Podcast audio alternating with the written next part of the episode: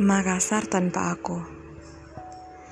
Ini adalah sebuah perpisahan. Ketika Makassar tak lagi ada aku di dalamnya. Apakah aku akan baik-baik saja? Adakah rindu akan menjelma antara Makassar dan aku? Ini adalah selamat tinggal tanpa sampai jumpa. Besok tidak ada lagi kita. Tidak ada Makassar dan aku.